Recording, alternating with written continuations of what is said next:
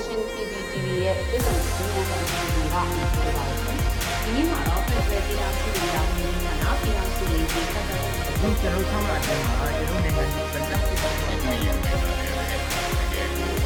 အဲဒါမျိုးကျွန်တော် energy ဆေးရခွင့်နဲ့ဒီခေတ်ကြီးအစီအစဉ်ကိုမှာကျွန်တော်ထုတ်ချက်တယ်တိုက်ပြီးတယ်ဒီကြတိစစ်ဖိတ်ကြတယ်ငယ်ဆိုတော့ကျွန်တော်တို့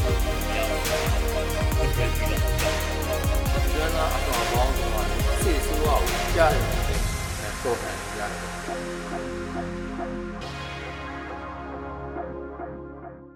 ဆွစ်ဇာလန်နိုင်ငံဂျနီဖာမြို့မှာမတ်လ22ရက်နေ့ကစပြီးကုလသမဂ္ဂလူ့အခွင့်အရေးကောင်စီညီလာခံကိုကျင်းပခဲ့ပါတယ်။လူ့အခွင့်အရေးမဟာမင်းကြီးမီရှယ်ပါချီလက်ကလည်းအစီအခံစာတစ်စောင်တင်သွင်းပြီးတော့အဲ့ဒီထဲမှာဆိုရင်မြန်မာနိုင်ငံရဲ့ရက်ဆက်ကြမ်းကြုတ်တဲ့ဆက်အမှရှင်စနစ်ဟာလူမှုဖွဲ့စည်းရဲ့တဟဆန္ဒဖြစ်မှုကိုဖျက်ဆီးနေပြီးတော့နိုင်ငံပြိုလဲသွားနိုင်တဲ့အထိအန်ဒီရဲ့ပိုကြီးလာစေနိုင်တယ်လို့သတိပေးထားပါတယ်။ လူ့အခွင့်အရေးကောင်စီမှာမြန်မာနိုင်ငံအရေးဆွေးနွေးမှုတွေနဲ့ပတ်သက်ပြီးတော့အမျိုးသားညီညွတ်ရေးအစိုးရလူ့အခွင့်အရေးဆိုင်ရာဝန်ကြီးဦးအောင်မျိုးမင်းကိုဒီကနေ့မှဆက်သွယ်မြင်ထားပါတယ်ရှင်။ဆရာမင်္ဂလာပါရှင်ဟုတ်ကဲ့မင်္ဂလာပါခင်ဗျာ။ဟုတ်ကဲ့အခုလက်ရှိကျင်းပနေတဲ့ဒီလူ့အခွင့်အရေးကောင်စီညီလာခံမှာဒီ NUG အနေနဲ့မြန်မာအရေးအတွက်ဘာတွေဆောင်ရွက်နေတာရှိပါသလဲရှင်ဟုတ်ကဲ့အခုလက်ရှိကျင်းပနေတဲ့လူခွေကောင်စီမှာကတော့ကျွန်တော်တို့သူတို့ရဲ့ဆုံးဖြတ်ချက်အတိုင်းပဲမြန်မာနိုင်ငံကိုကိုစားပြုပြီးတက်နိုင်တဲ့အရာတော့မရှိပါဘူး။ ဘာကြောင့်လဲဆိုတော့အထွေထွေနီလာခံမှာဆုံးဖြတ်ထားတဲ့ဟိုဆုံးဖြတ်ချက်အတိုင်းပဲဥကြောင့်မိုးထွန်းနဲ့တို့ကဒီစစ်ကောင်စီကတင်သွင်းထားတဲ့ကိုယ်စားလှယ်တွေကိုသူတို့အနေနဲ့ကိုစားပြုခွင့်ကိုဟိုဆုံးဖြတ်ထားတာမရှိတဲ့အတွက်တူးချင်းဒါမှမဟုတ်လူပုဂ္ဂိုလ်ရဝင်ရောက်ပြီးတော့တက်နိုင်တာမရှိဘူး။ဒါပေမဲ့ကျွန်တော်တို့အနေနဲ့ကတော့ NUG ကပြည်သူတွေကိုကိုစားပြုတဲ့အစိုးရဖြစ်တယ်။ဒါကြောင့်မလို့ဒီလိုမျိုးကျွန်တော်တို့လူခွေကောင်စီမှာလက်ရှိမြန်မာနိုင်ငံမှာလက် ဆိုးဆိုးဝါးဝါဖြစ်ပွားနေတဲ့အခြေအနေတွေကိုကျွန်တော်တင်ပြဖို့တာဝန်ရှိတယ်။တစ်ချိန်တည်းမှာရင်မြန်မာနိုင်ငံမှာလက်ရှိအကြမ်းဖက်စစ်ကောင်စီကကျူးလွန်နေတဲ့ရာဇဝတ်မှုတွေကိုတားဆီးဖို့အတွက်နိုင်ငံတကာမှာလည်းတာဝန်ရှိတယ်။ဒါကြောင့်မလို့ကျွန်တော်တို့ဒီနေ့အကြောင်းအရာတွေကိုသိရှိဖို့အတွက်တင်ပြတာတွေအစီရင်ခံစာရေးသားတာတွေတစ်ချိန်တည်းမှာနေကုလသမဂ္ဂအပါအဝင်ဒီကျွန်တော်တို့နိုင်ငံတွေအားလုံးကနေဘာတွေလှုပ်ဆောင်သင့်လဲဆိုတော့ဆုံးဖြတ်ချက်မှာ ကျွန်တော်တို့ဘာတွေဖြစ်စေချင်လဲဆိုတော့အဖြစ်အပျက်တွေကိုကျွန်တော်တင်သွင်းပါတယ်အဲဒါကြောင့်မလို့ကျွန်တော်တို့ဒီမတိုင်ခင်မှာပဲလူခွေဝန်ကြီးဌာနအနေနဲ့မြန်မာနိုင်ငံမှာလက်ရှိဖြစ်ပွားနေတဲ့စကိုင်းကရင်နီဒေသချင်းမကွေးတိုင်းတွေမှာရရဆက်ဆက်ဖြစ်ပွားနေတဲ့အချက်တွေကိုကျွန်တော်တို့အစီအခံစာတစ်ခုတင်သွင်းတယ်နောက်ပြီးလို့ရှိရင်ကျွန်တော်တို့ဒီကုလသမဂ္ဂလူခွေကောင်စီကိုတက်ရောက်နေတဲ့တန်တမန်တွေကိုကျွန်တော်တို့ NUG ရဲ့ရက်တီချက်သိရှိဖို့အတွက် တာအမတ်ကြီးဦးကျော်မိုးထွန်းမနေ့ကပဲကျွန်တော်တို့တင်တင်သွင်းတာရှိတယ်တင်ပြပြောဆိုတာရှိတယ်ကျွန်တော်ကိုယ်တိုင်လည်းမနေ့ကပဲဒီ NUG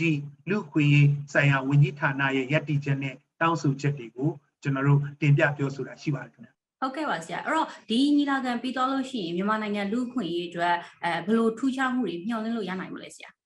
ကုလသမဂ္ဂမှာလူခွေကြောင်ပြောဖို့အတွက်အမှန်ကန်ဆုံးနေရာနဲ့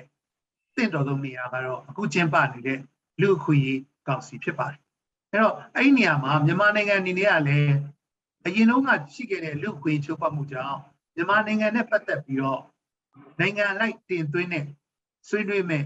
လှုပ်ထုံးလုပ်နေရလဲရှိထားပြီးသားဖြစ်ပါတယ်။အဲဒါကြောင့်မလို့လက်ရှိမြန်မာနိုင်ငံရဲ့အခြေအနေတွေကိုတင်ပြဖို့အတွက်ကျွန်တော်တို့စူးစမ်းခဲ့တယ်။စူးစမ်းတဲ့နေရာမှာကျွန်တော်တို့ကဘာတွေဖြစ်လာနိုင်လဲဆိုကျွန်တော်အခုလိုမျိုး လက်ရှိဖြစ်ပွားနေတဲ့အကြောင်းအရာတွေကိုကဘာသိအောင်တင်ပြနိုင်တယ်။တစ်ချိန်တည်းမှာပဲဒီဒီလိုမျိုးကျွန်တော်တို့လက်ရှိလှုပ်ထုံးလုပ်နည်းအရမြန်မာနိုင်ငံနဲ့ပတ်သက်ပြီးတော့လူအခွင့်အရေးကောင်စီကနေချမှတ်တဲ့ဆုံးဖြတ်ချက်ဆိုတာထွက်လာပါလိမ့်မယ်။အဲ့တော့အဲ့ဒီဆုံးဖြတ်ချက်တွေမှာကျွန်တော်တို့လက်ရှိပြောပြကျွန်တော်တင်ပြနေတဲ့ NUG ကိုအသိမှတ်ပြုပါအကြမ်းဖက်မှုတွေကျူးလွန်နေတဲ့အကြမ်းဖက်စစ်ကောင်စီကိုနိုင်ငံတကာခုံရုံးနေရာစအရေးယူဖို့လှုပ်ဆောင်မှာတစ်ချိန်တည်းမှာနေသူတို့ကို အားပေးထောက်ခံနေတဲ့စီးပွားရေးလက်နက်တွေပို့ရောင်းချမှုအားလုံးကိုပိတ်ပင်အောင်ကျွန်တော်တို့တောင်းဆိုတဲ့အစီအမျိုးနောက်တစ်ခါဒီသူတို့ကိုတရားဆွဲဆိုနိုင်မှုအတွက်အပြည်ပြည်ဆိုင်ရာရာဇဝတ်မှုခုံရုံးနေရာတစ်စင်တွဲပြောင်းပေးပါဆိုရဲဆုံးဖြတ်ချက်ဒါတွေထွက်ပေါ်နိုင်မှုအတွက်နေရာကောင်းဖြစ်ပါတယ်အဲ့တော့ဒါတွေထွက်ပေါ်လာမယ်ဆိုလို့ရှိရင်တော့ကျွန်တော်တို့လိုလားတဲ့စစ်ကောင်စီကိုအားပေးနေတဲ့အရာတွေရက်တက်မှုရဲ့သူတို့ကိုကျွန်တော်တို့နိုင်ငံတော်နိုင်ငံတကာတရားစီရင် လမ်းကြောင်းတိုင်းရအောင်သွားလှုပ်ဆောင်နိုင်ဖို့အတွက်နောက်ထပ် PR တွေအများကြီးဖြစ်လာနိုင်ပါတယ်။ဒါပေမဲ့ဟိုအားလုံးသိဖို့ကိစ္စတစ်ခုကလည်းကျွန်တော်တို့ကုလသမဂ္ဂဆိုတာဌာနအသီးသီးလှုပ်ထုတ်လုပ်နေမျိုးမျိုးရှိပါတယ်တစ်ဖက်မှာအားကောင်းလာပြီမဲ့တခြားတစ်ဖက်မှာနှောင့်နှေးရမျိုးရှိနိုင်တယ်ဘယ်လိုပဲဖြစ်ဖြစ်လူခွေနဲ့ပတ်သက်လို့အရေးကြီးတဲ့နေရာဌာနဖြစ်တဲ့အတွက်ဒီနေရာမှာခိုင်မာကောင်းမွန်အားကောင်းတဲ့ဆုံးဖြတ်ချက်တွေ ပေါ်ထွန်းလာနိုင်တာကတော့သိကြပါတယ်ခင်ဗျာဟုတ်ကဲ့ပါဆရာအခုဆိုလို့ရှိရင်ဒါလက်ရှိမှာရုရှားယူကရိန်းစစ်ပွဲကလည်းဖြစ်နေတော့ဒီမြန်မာရေးနဲ့ပတ်သက်ပြီးတော့ကမ္ဘာကစိတ်ဝင်စားမှုကြောကြလာတဲ့ဆိုတဲ့သုံးသပ်မှုတွေအများကြီးတွေ့လာပါတယ်ဆရာအဲ့တော့ဒီပေါ်ကိုလည်းဆရာရဲ့အမြင်ကိုသိချင်ပါတယ်ရှင်အော်အဲ့ဒီအချက်ကဟုတ်တော့ဟုတ်ပါတယ်လက်ရှိအချိန်ဒီမှာကကျွန်တော်တို့ကဒီရုရှားနဲ့ယူကရိန်းကိစ္စကကမ္ဘာကပုံမှုအာရုံစိုက်တာပေါ့တစ်ဖက်ကလည်းစိတ်မကောင်းပါဘူးဘာကြောင့်လဲဆိုတော့ ကျွန်တော်တို့ဒီရုရှားဒီယူကရိန်းမှာဖြစ်ပျက်နေတဲ့ဖြစ်ပျက်ကလည်းကျွန်တော်တို့ဒီအကြမ်းဖက်မှုတွေဖြစ်တယ်မြန်မာနိုင်ငံမှာဖြစ်ပွားနေတဲ့ရာဇဝတ်မှုတွေလည်းအကြမ်းဖက်မှုတွေဖြစ်တယ်ဒါပေမဲ့ကမ္ဘာကတော့ယူကရိန်းကပုံမှုပြီးတော့အာရုံစိုက်စရာဖြစ်နေတာပေါ့အခုကျွန်တော်တို့ဒီလိုဆွေးနွေးတဲ့အခါမှာလည်းဒီအခက်အခဲလေးဟိုရိုက်ခတ်မှုအနည်းငယ်တော့ရှိပါတယ်မြန်မာနိုင်ငံအကြောင်းဆွေးနွေးတဲ့ပုံစံကနေယူကရိန်းကိုပုံမဆွေးဆွေးနွေးတာယူကရိန်းနဲ့ပတ်သက်ပြီးတော့ပုံမပြီးတော့ထိရောက်တဲ့ဟိုကုလသမဂ္ဂဆိုင်ရာ လှုပ်ဆောင်ချက်တွေပေါ်ထွန်းလာတာဒါလေးတွေတော့ကျွန်တော်တို့ရှိနည်းနည်းမြန်မာကြီးကတော့မေးမိတ်သွားတဲ့သဘောမျိုးရှိပါတယ်ဒါပေမဲ့တစ်ဖက်မှာလည်းပြန်ကြည့်မယ်ဆိုရင်ကျွန်တော်တို့ကဟိုပြောကြတယ်မှာယူကရိန်းဆိုတာကဆိုဗီယက်ကကျူးကျော်စစ်ကိုကျူးလွန်တယ်ဒုက္ခရောက်နေတာပြည်သူတွေဖြစ်တယ်မြန်မာပြည်မှာကတော့ပြည်ပနိုင်ငံကကျူးကျော်စစ်မဟုတ်ဘဲနဲ့အကြမ်းဖက်စစ်ကောင်စီကပြည်သူလူထုတွေရဲ့နေနေဒေသတွေကိုကျူးကျော်ပြီးတော့အကြမ်းဖက်မှုတပုံစံတွေကိုလှုပ်ဆောင်နေတာဖြစ်တဲ့အတွက် ယူကရိန်းကိုလှုပ်ဆောင်လို့မြန်မာပြည်ကိုလည်းလှုပ်ဆောင်တဲ့နဲ့ယူကရိန်းကိုသွားနေတဲ့ကျွန်တော်တို့ကူညီမှုတွေเนาะဒါဆိုဗီယက်ကိုတားဆီးတဲ့အရာမျိုးတွေဖြစ်နေသည့်တိုင်အောင်ဒီဟာတွေမြန်မာကိစ္စကိုလည်းလှုပ်ဆောင်တဲ့နေဆိုတဲ့လမ်းကြောင်းကိုတော့ကျွန်တော်တို့ရအောင်ဆွဲတင်ပါတယ်အဲ့တော့သူတို့ဘက်လုပ်ပြီးလို့ရှိရင်တော့ကျွန်တော်တို့ဘက်ကအာယုံမဆိုင် ဟိုဟိုပြဟိုပို့ပြီးတော့အာရုံစိုက်ပြီးတော့ဒီလိုမျိုးလင်းမြန်မြန်ဆန်တဲ့အရေးယူဆောင်ရွက်မှုတွေကိုကျွန်တော်တို့အခုရလမ်းကြောင်းထားလှုပ်ဆောင်ပါတယ်။နောက်တစ်ခုကထူးခြားချက်တစ်ခုပေါ့နော်။ ဒါကတော့မြန်မာနိုင်ငံအရေးနဲ့ပတ်သက်လို့ဆုံးဖြတ်ချက်ချမှတ်မယ်။ကုလသမဂ္ဂရဲ့လုံခြုံရေးကောင်စီတင်သွင်းမယ်ဆိုတဲ့ဟိုကျွန်တော်ဆွေးနွေးချက်တွေအရင်တော့ဆိုရင်တရုတ်နဲ့ရုရှားက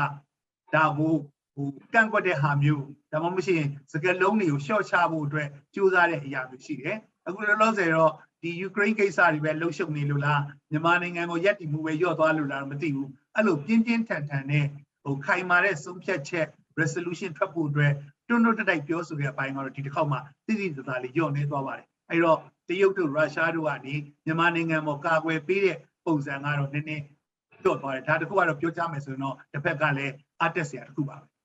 ဟုတ်ကဲ့ပါဆရာအခုဆိုလို့ရှိရင်ဒါအမေရိကန်ကလည်းဒီမြောင်းလိုက်ဦးဆောင်တဲ့အကြမ်းဖက်စစ်တပ်ကိုရခိုင်ပြည်နယ်မှာဂျီနိုဆိုက်ကျူးလွန်နေဆိုပြီးတော့သတ်မှတ်ကြေညာလိုက်တာကိုတွေ့ရပါတယ်ဆရာအာဒါကလည်းဒီဟိုလူခွင့်ရေးကောင်စီညီလာခံကျင်းပနေတဲ့အချိန်နဲ့အချိန်တိုင်းဖြစ်နေတာကိုတွေ့ရတယ်ဆိုတော့ဒီနောက်ဆက်တွဲမှာဘလို့အကျိုးဆက်တွေဆက်ပြီးတော့ဖြစ်လာနိုင်လဲဆရာဟုတ်ကဲ့ကျွန်တော်တို့လူခွေကောင်စီမှာကျွန်တော်တို့ဆွေးနွေးတိုင်းလူခွေချုပ်ဖောက်မှုကိုမတင်ပြလို့မရပါဘူးအဲ့တော့တင်ပြနေတဲ့ကာလအတွင်းမှာကျွန်တော်တို့ဘက်ကတော့ခိုင်ခိုင်မာမာ ဒီလူသားမျိုးနွယ်တစ်ခုလုံးကိုထိခိုက်တဲ့ရာဇဝတ်မှုတွေစစ်ပွဲဆိုင်ရာရာဇဝတ်မှုတွေကျူးလွန်တယ်လို့ခိုင်ခိုင်မာမာပြောနိုင်တယ်အခုကျွန်တော်တို့တင်ပြသွားခဲ့တဲ့အထဲမှာဆိုလို့ရှိရင်လေကုလသမဂ္ဂလူခွေဆိုင်ရာမဟာမင်းကြီးကိုယ်တိုင်ကစစ်ကောင်စီရဲ့လှုပ်ဆောင်မှုတွေကဒီရာဇဝတ်မှုနှစ်ခုသလုံးကိုကျွန်တော်တို့ချုပ်ဖောက်ရောက်နိုင်တယ်လို့သူပြောထားတယ်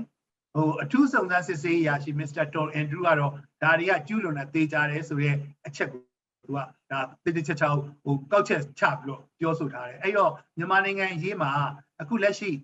စနစ်တကျနဲ့ကြည်ကြည်ပြည့်ပြည့်လှုပ်ဆောင်တဲ့ရာဇဝတ်မှုတွေအကြောင်းကိုတော့သိသွားတယ်အဲ့ဒီအချိန်မှာအခုလိုမျိုးတိုက်တိုက်ဆိုင်ဆိုင်ပဲအချိန်ကိုက်ပဲအမေရိကကနေဒီရိုဟင်ဂျာတွေပေါ်မှာစစ်အကြမ်းဖက်စစ်ကောင်စီရဲ့လုပ်ရက်ကဂျီနိုဆိုက်လို့ခေါ်တဲ့လူမျိုးတုံးတပ်ဖြတ်မှုတွေ ရောက်ပါတယ်လို့သတ်မှတ်လိုက်ခြင်းကမြမအရေးကိုပုံမအာရုံစိုက်เสียပေါ့လက်ရှိဖြစ်ပွားနေခဲ့တဲ့ဟို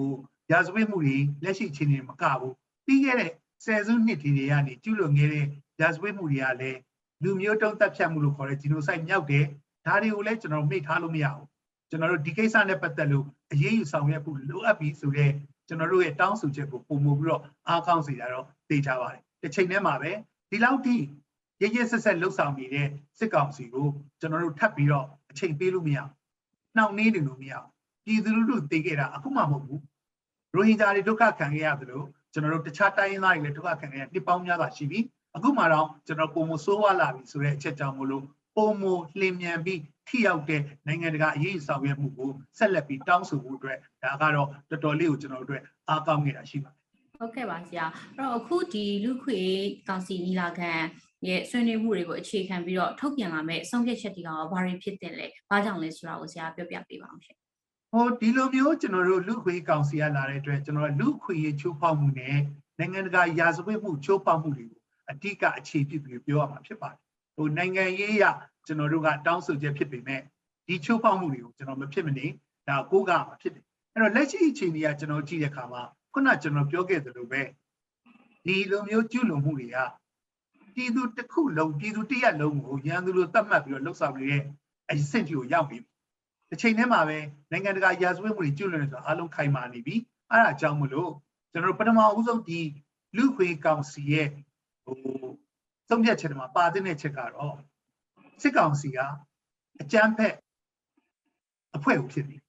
သူတို့ရဲ့လှုပ်ဆောင်မှုတွေကအကြမ်းဖက်လုပ်ရက်တွေအကုန်ဖြစ်နေတယ်ဒါကြောင့်မလို့သူတို့ကိုအမြန်ဆုံးကျွန်တော်ဒီလိုမျိုးလှုပ်ဆောင်မှုတွေကိုရပ်တန့်မှုအတွက် နိုင်ငံတကာအားလုံးကစုပေါင်းပြီးအရေးယူဖို့လိုအပ်တယ်ဆိုတဲ့အချက်ဒါတွေကတော့မဖြစ်မနေဖြစ်ရမယ်။တစ်ချိန်တည်းမှာပဲကျွန်တော်တို့လက်ရှိမှာစစ်ကောင်စီကိုကျွန်တော်တို့ဟိုမတရားသင်းသို့မဟုတ်ဒါမှရှိအကြမ်းဖက်ဖွဲ့ဖြစ်အတိမတ်ပြုမယ်ဆိုရင် NUG ကိုကျွန်တော်ဒီတက်ပုံမှုပြီးတော့လက်တွဲဆောင်ရွက်ဖို့အတိမတ်ပြုဖို့လိုအပ်ပြီးဒါမှသာကျွန်တော်တို့ကကျွန်တော်တို့ရဲ့တာဝန်ဖြစ်တဲ့အစိုးရရဲ့လူပေးကာကွယ်မှုတွေလူသားချင်းစာနာမှုအကူအညီတွေကိုပုံမှုပြီးတော့ထိရောက်စွာလှုပ်ဆောင်နိုင်မှာဖြစ်တယ်။ အဲဒါကြောင့်မလို့လူသားချင်းစာနာမှုအကူအညီလည်းပေးပါတစ်ချိန်တည်းမှာနေစစ်ကောင်စီကိုအပြစ်ပေးရေးယူနိုင်မှုအတွက်တည်ဆဲလက်ရှိကျွန်တော်တို့ရာဇဝတ်မှုကျူးလွန်မှုဆိုင်ရာလှုပ်ထုံးလုပ်နည်းတွေနဲ့ခေါ်ဆောင်မှုအတွက်ကျွန်တော်တို့ပြောဆိုနိုင်တယ်။တစ်ချိန်တည်းမှာနေဒါမျိုးတရားရုံးလှုပ်လှုပ်ဆောင်မှုအတွက်ကကျွန်တော်တို့စစ်ကောင်စီကိုကျွန်တော် ICC လို့ခေါ်တဲ့နိုင်ငံတကာတရားရုံးကိုတင်ဖို့လိုအပ်တယ်။အဲ့တော့ကျွန်တော်တို့ဘက်ကလည်း NUG ဘက်ကလည်းဒါကိုပူပေါင်းလှုပ်ဆောင်မယ်သူတို့ကိုတင်ဖို့အတွက်လက်ခံပါလို့ပြောထားတယ်။ အဲ့ဒါကိုမြန်မြန်ဆန်ဆန်အတိမတ်ပြုပြီးတော့နော်နိုင်ငံတွေအားလုံးကထောက်ခံပြီးဝိုင်းဝန်းပြီးတော့ကျွန်တော်တို့အကောင့်ထဲပေါ်နိုင်အောင်လှုပ်ဆောင်ပေးဖို့လိုအပ်တယ်။နောက်တစ်ခုကတော့ကုလသမဂ္ဂရဲ့လှုပ်ဆောင်ချက်တွေမှာလူ့ခွင့်ရေးကိုအခြေခံပြီးတော့ဒီလောက်ထိရာဇဝတ်မှုကျူးလွန်နေတဲ့စစ်ကောင်စီကိုထိရောက်သောအရေးယူမှုပုံမပြီးတော့ဖြစ်လာဖို့အတွက်တောင်းဆိုတဲ့အရာမျိုးဒါတွေမဖြစ်မနေပါလာမှ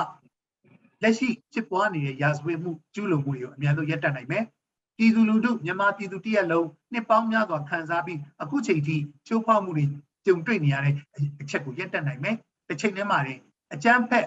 စစ်ကောင်စီကိုအရေးယူဆောင်ရွက်နိုင်ပါအဲ့ဒါတွေကတော့မဖြစ်မနေပါဖို့လိုအပ်တယ်လို့ဆုံးဖြတ်ချက်တွေမှာကပဲလိုအပ်သောအရေးယူဆောင်ရွက်မှုတွေတပါးတည်းပါဝင်လာဖို့အထူးအရေးကြီးပါတယ်ဟုတ်ကဲ့ပါဆရာအဲ့တော့ဒီကောင်စီညီလာခံပြီးသွားရင်ရောမြန်မာရေးအတွက်ဒီ NUG နဲ့ဘာတွေဆက်လုပ်သွားဖို့ရှိလဲရှင် ကျွန်တော်တို့အခုလက်ရှိအခြေအနေမှာကတော့လူ့ခွေးကောင်စီမှာ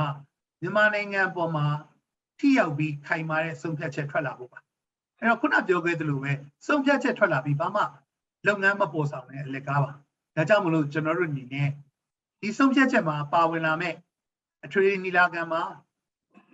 NUG ကိုအတိအမှတ်ပြုပြီးတော့တရားဝင်ကိုစားပြုမှုဖြစ်အောင်ကျွန်တော်ဆက်လက်လှုပ်ဆောင်မှုလိုအပ်တယ်အထူးသဖြင့်ကျွန်တော်တို့ဒီမြန်မာနိုင်ငံဆိုင်ရာအငြင်းတန်း ကိုယ်စားလှယ်ဦးကျော်မိုးထွန်းကိုတရားဝင်အတိအမှတ်ပြုပြီးတော့သူ့ရဲ့လှုပ်ဆောင်ချက်တွေကိုပုံမူပြီးတော့ပါဝင်ခွင့်ပြုဖို့လိုအပ်မယ်တစ်ချိန်တည်းမှာလည်းကျွန်တော်တို့ဒီလိုမျိုးကိစ္စတွေတခုကိုလုံခြုံရေးကောင်စီအထိတက်ပြီးတော့ကျွန်တော်တို့လူသားချင်းစာနာမှုကူညီပေးဖို့စစ်ကောင်စီကိုလက်နက်ပိတ်ဆို့မှုတွေလှုပ်ဆောင်ပေးဖို့နောက်တစ်ခါဤပညာအရအသုံးပြုနိုင်မယ်စီရေးရအသုံးပြုနိုင်မယ်ဤပညာတွေဒါမှမဟုတ်လေရင်စီတွေ ပုတ်ပေးပုံနေတာတွေရက်တက်နိုင်တဲ့လက်တွေ့ကြသောလုပ်ငန်းစဉ်တွေပေါ်လာဖို့အတွက်ဆက်လက်လှုပ်ဆောင်သွားပါလိမ့်မယ်တစ်ချိန်တည်းမှာပဲဒီလိုမျိုးကျွန်တော်တို့နိုင်ငံတကာခုံရုံးတွေတရားရုံးတွေတင်သွင်းမှုအတွက်ဆုံးဖြတ်ချက်ကြလာလို့ရှင်တော့ဒါတွေတင်သွင်းမှုအတွက် NUG ကအစီအစဉ်ဖြစ်တယ် NUG ကနေဒါတွေကိုကျွန်တော်လက်ခံထားတဲ့အတိုင်းပဲတကယ်တမ်းအမှန်တကယ်တရားစီရင်မှုအတိုင်းလှုပ်ဆောင်မှုအတွက်ကုလသမဂ္ဂဖြစ်ပါစေသက်ဆိုင်ရာနိုင်ငံကြီးတွေနဲ့ပဲဖြစ်ပါစေနိုင်ငံအလိုက်ပဲဖြစ်ပါစေဆက်လက် ပူးပေါင်းဆောင်ရွက်သွားမယ့်အစီအစဉ်တွေကျွန်တော်တို့ပြင်ဆင်ထားပါတယ်လှုပ်လဲလှုပ်ဆောင်မှုအတွက်အကုန်လုံးကျွန်တော်တို့အားတင်လောင်းနေပါဟုတ်ကဲ့ပါဆရာအခုလိုမျိုးပြည့်ပြည့်စုံစုံဖြေကြားပေးတဲ့အတွက်ကျေးဇူးအများကြီးတင်ပါတယ်ရှင်ဟုတ်ကဲ့ခြေချားခွင့်ရှိတဲ့အတွက်ကျေးဇူးတင်ပါတယ်ခင်ဗျာဟုတ်ကဲ့ပါဆရာ